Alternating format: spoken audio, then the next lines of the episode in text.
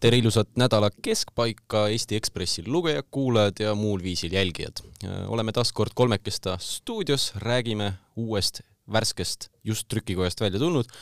Eesti Ekspressist. võtame neli lugu äh, ette niimoodi kiirelt, käime läbi, siin kohe alguses üks on Siret Kotka ja tema vapustavad korterid, räägime Ukrainast, räägime äh, mitte küll Urmasest, kuigi Urmas on stuudios, vaid Keskerakonnast ja natukene veel Keskerakonnast, aga siis juba läbi Linnamäe prisma Need neli teemat on, mina olen Joosep Tiks ja minuga on stuudios Indrek Lepik ja Urmas Jaagant, tere! tere! tere! võtame kohe alguses Siret Kotka ja tema korterid, vaata Urmas, meil oli üks sarnane lugu, meil oli Martin Repinski ja tema korter siin Tallinnas. lugu oli ju selline, et kes see oli, oli tema naise vend, kes elas selles Lasnamäe korteris, mida maksumaksja kinni maksis. Ja selle kohta tulnud kaebuse peale keegi otsustas veel kaevata ja otsustas Siret Repinsk, vabandust, Siret Kotka peale kaevata, et temal on, Tallinnas on hunnikute kaupa on korterid ja ikka üürib maksumaksja raha eest välja siis eluaset endale. no ega ma ei oskagi rohkem öelda, tobe lugu ju. no tobe lugu selles mõttes, et äh, keeruline öelda äh, midagi sellist äh, mõistlikku selle peale just sellepärast, et, et ühelt poolt on nagu arusaadav, et, et eh, kui raha vedeleb maas, onju, siis eh, noh, miks ei peaks seda üles võtma, et sellest, sellest saab nagu vaadata ka se-, sedapidi. teistpidi, ehm, kas Riigikogu liikmed peaksid seda tegema, noh, võib-olla ei peaks, ma ei ütle, et Riigikogu liikmete palk oleks nagu liiga suur, võib-olla eh, kui see palk oleks oluliselt suurem, võib-olla oleksid Riigikogus teistsugused inimesed kui Siret Kotka näiteks. aga, aga selle nagu asja äh, minu jaoks selle asja tuum on selles, ikkagi selles süsteemis, mis tegelikult ütleme sellise äh, nõrgema äh, noh, nõrgema vastupidavusega inimesi paneb selliseid, selliseid trikke kasutama, et ma pean tunnistama, et ega neid ju väga palju ei ole, vähemalt ma ei tea väga palju selliseid kasutusi, aga aga see kulu äh,, kuluhüvitiste süsteem on selline, mis soodustab niisugust asja, et et ta on äh, tagurpidine sellele, mis on, mis on nagu valitsuse liikmetel et valitsuse liikmetel on palga, palga küljes kohe kinni, see vist mingi kakskümmend protsenti summa, mis on siis mõeldud sellisteks nii-öelda esinduskuludeks, mille eest nad siis noh, saavad osta, ma ei tea, ülikonna lipsu, mida iganes vaja teha on. ja kui ära ja, ei kuluta seda endale? ja kui ära ei kuluta, siis on see põhimõtteliselt nagu palgalisa.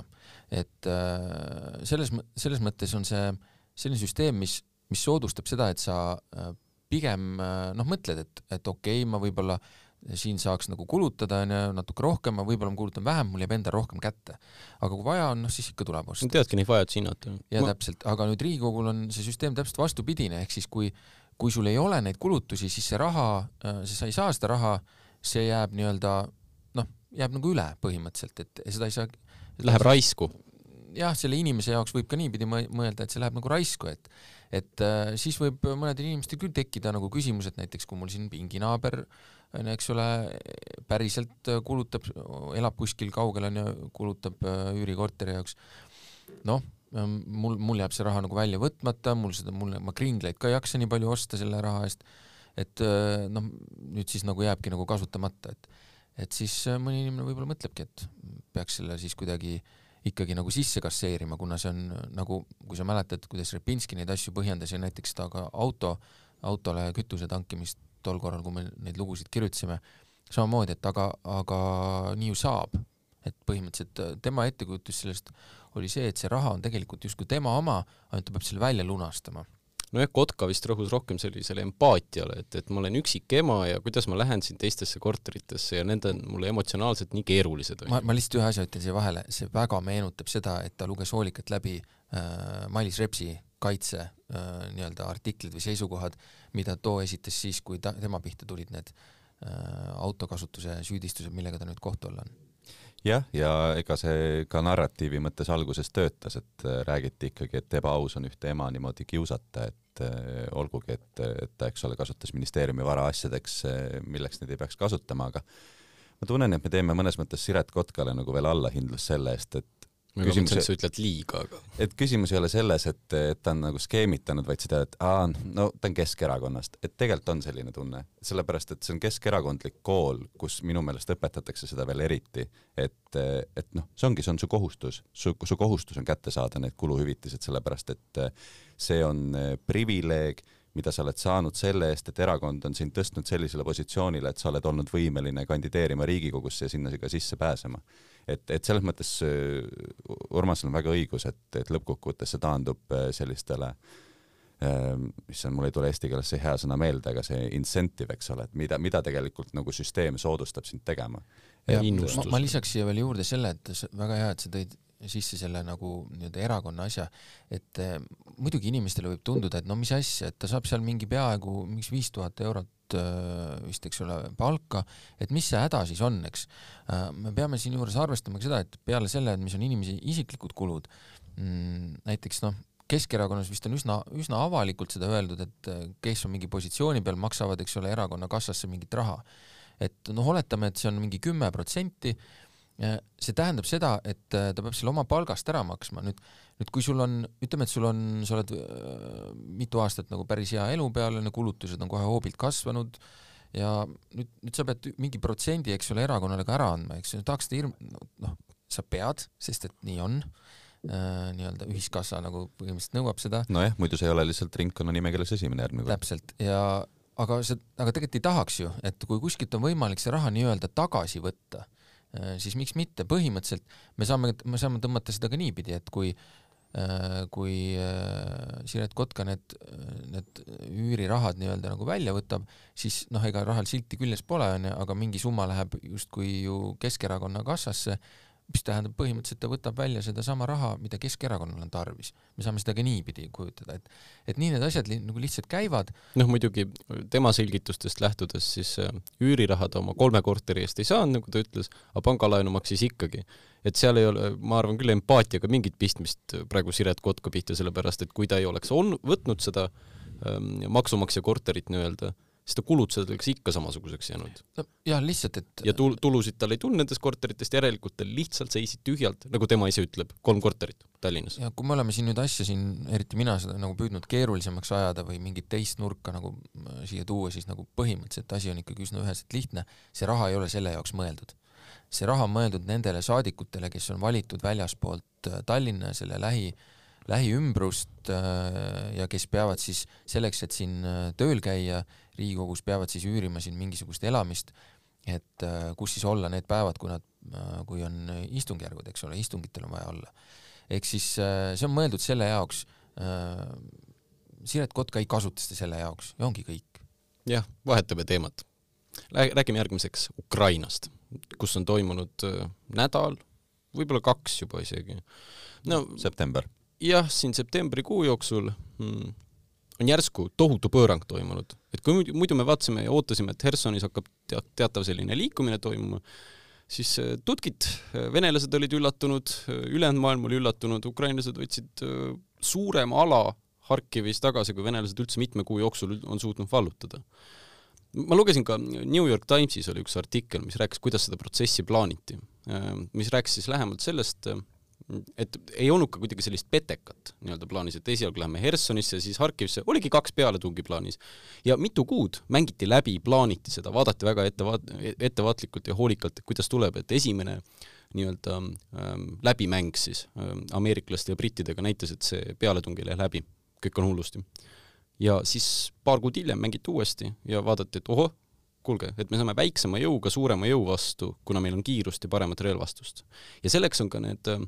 ukrainlased äh, tihtilugu saatnud just nimelt täpseid nimekirju, mis tehnikat ja relvastust neil on vaja, sellepärast et neil on see protsess väga hoolikalt äh, välja planeeritud, et nemad ei võta nagu Siret Kotka, et äkki ikka saab midagi kuskilt, vaid neil on täpne, täpne ja optimeeritud menüü nii-öelda. jah, kuigi tõsi on ilmselt see, et see, kui kaugele nad päriselt pääsesid, pidi teatava üllatusena tulema, et, et, et noh, sisuliselt probleem on ju venelastel selles, et nende read on nii eh, hõredad, sest et neil on vaja nii pikka rindejoont kaitsta ja, ja tegelikult nad ongi seal lihtsalt sellise ühe kihina, et eh, ukrainlased saavad järjepanu kogu aeg peale tulla, aga tegelikult kui venelased ühest kohast lagunevad, siis nad lagunevadki, sest et seal ei ole kedagi, kes tagant nagu peale uuesti tuleb, et et, et see on ilmselge nõrkus, mida ukrainlased väga hästi ära kasutasid ja eks, eks nad ongi siis mõnes mõttes praegu olukorras, kus nad peavad ise väga pingsalt hindama, et kui kaugele nad saavad minna oma praeguse logistik, logistilise võimekusega ja ja, ja noh, eks selge on ju ka see, et sõdurid, kes ikkagi ööpäevade viisi võtavad ära uusi asulaid, ka emotsionaalselt on väsitud,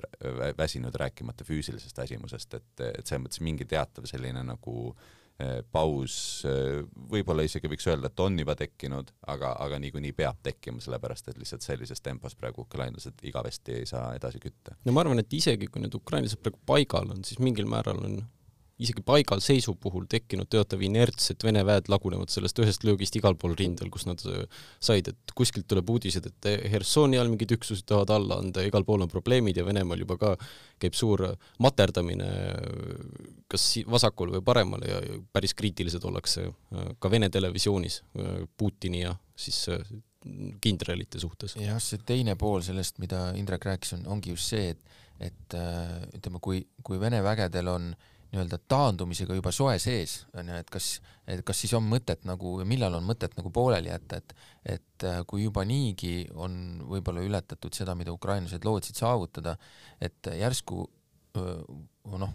ütleme, et kus maal on võim-, mõtet võtta seda riski, et äkki panna edasi, me jõuame veel kaugemale, ilma et sellest midagi juhtuks, kuna venelastel noh, kui kui me nüüd seisma jääme, siis nad saavad hinge tõmmata, võib-olla mõtlevad natuke, et olukord ei ole nii hull, eks ole, et siin on noh, mina sellest nagu midagi ei tea, ma lihtsalt usun, et need, kes seda asja seal planeerivad, äh, teavad seda äh,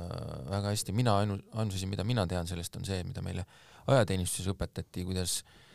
kuidas äh, pärast üht, ühtede liini kaevikute kaevamist tuli teha tahapoole veel ühed ja siis sinna tahapoole veel ühed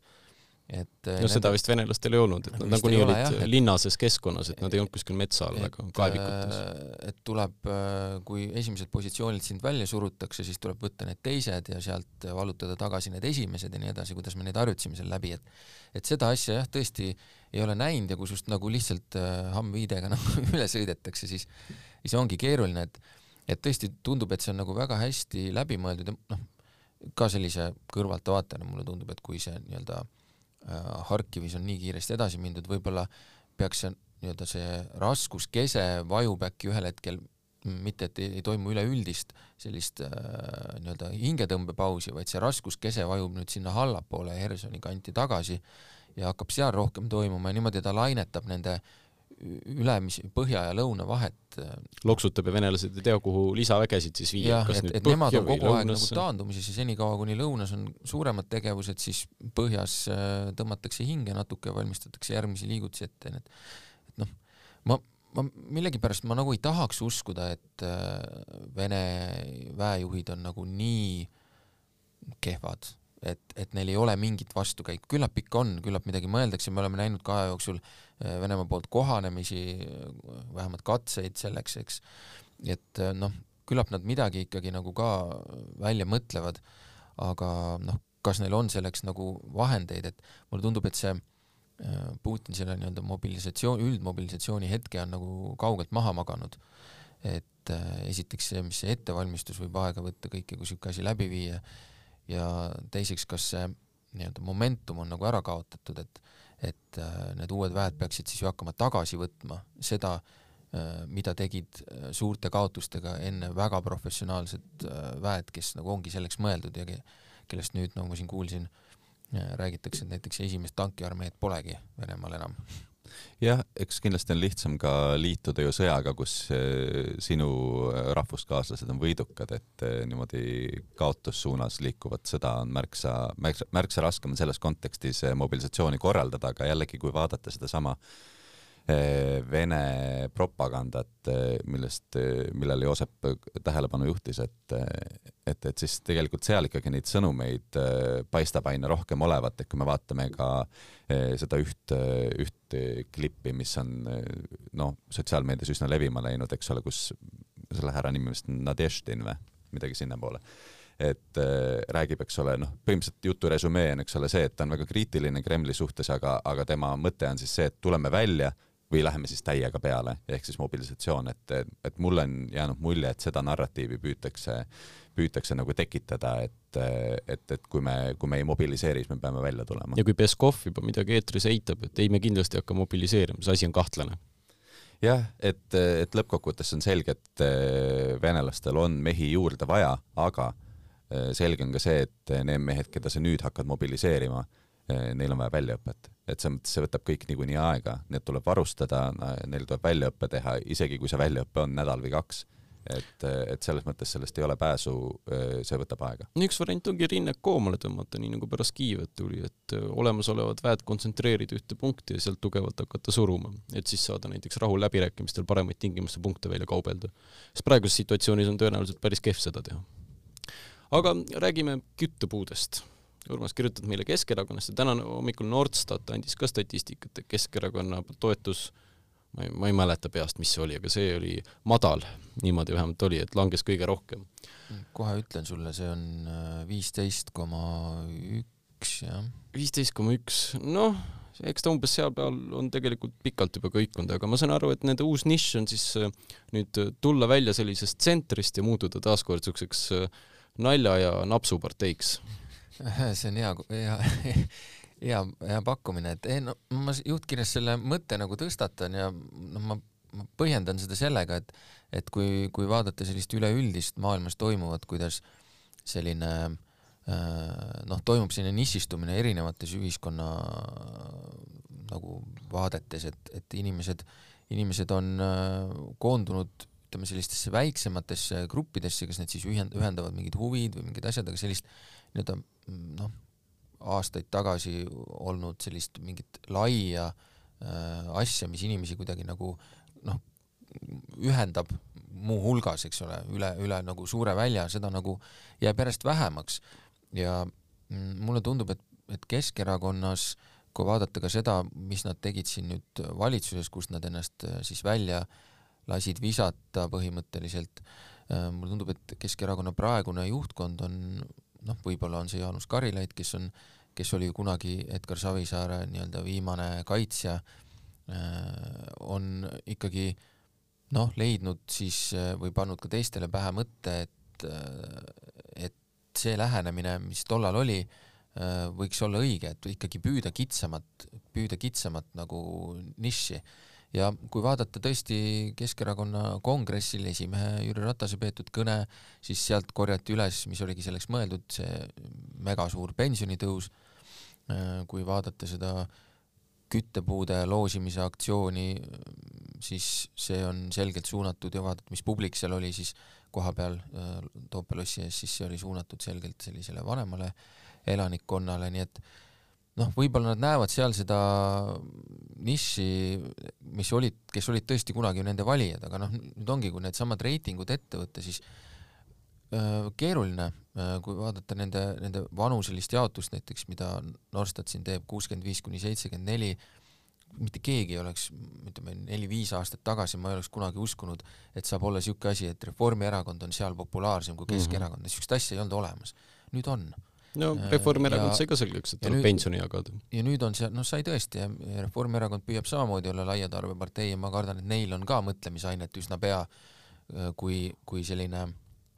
vot mis on jäänud, ütleme, sõjaoht või selline julgeoleku küsimus on küll üks asi, mis äh, neid nišše, kuhu inimesed on koondunud, neid mulje nagu tegelikult tervikuna ka ühendab, eks mm. -hmm. et kui see peaks juhtuma, et ära vaibub, siis on kindlasti, ma arvan, ka Reformierakond sellise küsimuse ees, et et eh, keda me esindame, sest et noh, nende suust nüüd kuulata, kuidas nad on näiteks ettevõtjaid esindav erakond, ma arvan, see ajab juba paljusid naerma. tead, mulle täitsa isegi meeldiks ühiskond, kus oleks rohkem neid erakondi ja nišše, mis poliitilises elus osalevad, et võtame sellesama Keskerakonna näiteks. sul on ähm, Igor Kravtšenko ja Enn Eesmaa, nagu mis on nende ühisosa, ma, ma ei saa senimaani aru. Ja, ja ühe või teise häältega siis toimuvad, on ju Eestis poliitikad, ehk siis äh, otsustatakse asju äh, ütleme näiteks Igor Karatšenko vaatest, niimoodi, et Enn Eesmaa tegelikult lihtsalt vajutab nuppu seal, temal ei ole mingit maailmavaatelist osa. et kui meil on palju killustatum see parlament, siis selle võrra on see diskussioon ka parem ja ütleme näiteks üks erakond saab teha rohkem nõudmisi ja sikutada seda tekki järgi jällegi enda poole, et muidu niisuguse rahvaparteina tullakse, ma ei tea, niisuguste Jüri Rataslike lahenduste peale, mis võib-olla jätab kellegi kuskilt teki alt välja, aga tegelikult kedagi ei rahulda ka niisugune kehv kompromiss. no seda niši ilmselt näevad ka või seda süsteemi muutumist näevad ilmselt ka parempoolsed, kes on ju selge eesmärgi võtnud nii-öelda viis protsenti kätte saada, mitte laiatarbeparteiks muutuda, et, et, et selles mõttes jah ja, ja. võiks nagu öelda, et, et need poliitilised protsessid nagu juba kirjeldavad seda süsteemi muutumist aga.... Nemad näiteks oma liikmeskonda panevad niimoodi kokku, et nad ei võtagi kõiki vastu, neil on väga siuke eksklusiivne klubi, nad said oma viissada kätte ja sealt edasi tegelikult neil ei ole rohkem vaja. Jah, me, me võime küsida, et kas Keskerakond on siin noh, me võime alati mõelda, et kas, kas näiteks parempoolsed on valinud nii-öelda õige niši või sellise niši, mis praegu peaks neid toitma, võib-olla ei ole. Minu arust küll, ma, ma ei näe kedagi te,, ühtegi teist parteid, kes julgeks öelda, et tõmmake nagu koomale veits selle rahaga. jaa, keegi teine seda muidugi ei julge öelda, sa võid seda julgeda öelda, aga küsimus on, kas see ühiskonnas ka vastu resoneerub, mulle tundub praegu, äh, praegu on üldine sentiment on see, et, et äh, jah, parem makskegi toetusi, et, et äh, mm, sul on vaja ainult viis protsenti saada. aga, aga selles mõttes Urmasel on õigus, et ka ettevõtjate seas on pigem seisukoht, et makske toetusi. Ja, ja oota, aga me räägime seda, mis on enamiku arvamus, sul ei ole vaja Riigikogu, Riigikogusse saamiseks saada üle viiekümne protsendi häältest, sul ei ole sul, sul piisab ka kümnest protsendist, viiest protsendist ja kui sul on erakond, kes ei suuda küll kõnetada masse, aga suudab kõnetada seda kitsast nišši, nagu sa räägid ka, Urmas, on ju, siis neil tegelikult on ju garantii olemas, et nad saavad poliitilises ja, elus ja, osaleda. ja seda, seda me ütleme selliseid nagu, ma ütleks sellise laia tarbe poliitika viima-, nagu tõmbluste ma võib-olla viimastena näeme ka seda, kuidas, kuidas me kuulame täiesti jaburat juttu, mismoodi näiteks neid samu toetusi ei saa mitte kuidagi, kohe kuidagi ei saa diferentseerida, et need peab jagama ikkagi üle välja rikastele, vaestele, kõigile täpselt ühtemoodi, sest et kui me siin hakkame midagi tegema, oi, siis tulevad administreerimiskulud ja muu selline. kuulge, aga see on ju jama, selles mõttes, et, et erakondade mõte ongi see, et nad e e eelistavad oma valijaid, et see võib meile tunduda nagu kuidagi diskrimineerivana näiteks, et et äh, ma ei tea, tuleb mingi erakond, ütleb, et jah, vaat ettevõtetele andke, nendele teistele seal, neile ärge andke. aga seda täpselt erakonnad ju peavadki tegema, nad peavad seisma oma valijate eest. nüüd, kui me vaatame, kui Keskerakond ja Reformierakond ütlevad, et noh, eriti või siis näiteks Isamaa, Isamaa ka, et et oi, et me ei saa siin neid toetusi ikkagi kuidagi nagu teha sellist, sellist sihitutena. see on väga huvitav, sest minu, minu arust näiteks see, kui vana maksusüsteem ära lammutati, tehti tulumaks astmeliseks või no tulumaksuvabastus, siis sai küll hakkama selle diferentseerimisega. siis sai, aga noh, see on muidugi natukene ebaõnnestunud, aga selle mõte oli tõesti see, et jah, et et Keskerakond toona proovis äh, nii-öelda oma valijaid, eks ole, ja selleks on neil täielik õigus küsimus on, et kuidas see nagu, nagu vastu võetakse, eks ole, noh, me näeme, et neile sellest noh, tagantjärgi nagu väga palju tulu ei ole tõusnud, aga ma ei usu ka, et sellisest laiast, laiast pintslist enam nagu väga piisab, et et, et lihtsalt see läheb meile nii kalliks ja ühel hetkel erakonnad peavad hakkama ikkagi noh, otsustama võib-olla konkreetsemalt, kes on nende valijad ja ei saa välistada, et Keskerakond on sellele ikkagi nagu pihta saanud, jah, see, et nad läksid selle puude jagamisega tagasi aastasse kaks tuhat üheksa, noh, kes teab, kas see osutub õigeks või valeks, kas see, et nad äh, proovivad oma sihikut seada vanemaealisele elanikkonnale, kas see on õige või vale, noh, see selgub, aga, aga see põhimõte, et äh, võib-olla me ei peaks proovima enam haarata nii paljusid korraga, võib-olla me ei pea kõigile meeldima, see võib olla iseenesest ju õige lähenemine ma räägin siia lõppu ühe minuti Margus Linnamäest ja siis äh, lõpetame ära ka. kirjutasin loo, nimelt äh, tükk aega on juba varemgi lugusid kirjutatud sellest, kuidas äh, Linnamäe teeb Paljassaarde linnaosa teha. Ecobai on selle nimi ja mis see oli, oli vist aasta kaks tuhat pup-pup-pup, kaksteist aastat tagasi, noh, kaks tuhat kuus või? ei, praegu on kaks tuhat kaksteist. Kaks tuhat kümme, jah anti sisse dokumendid, et okei okay,, ehitame linnaosa. Savisaar lõi kahte kätt kokku, linn oli rõõmus, jah, teeme Paljassaare prügimäest, teeme uue elamisrajooni. ja nüüd on siis äh, kaksteist aastat see asi veninud ja mille taga?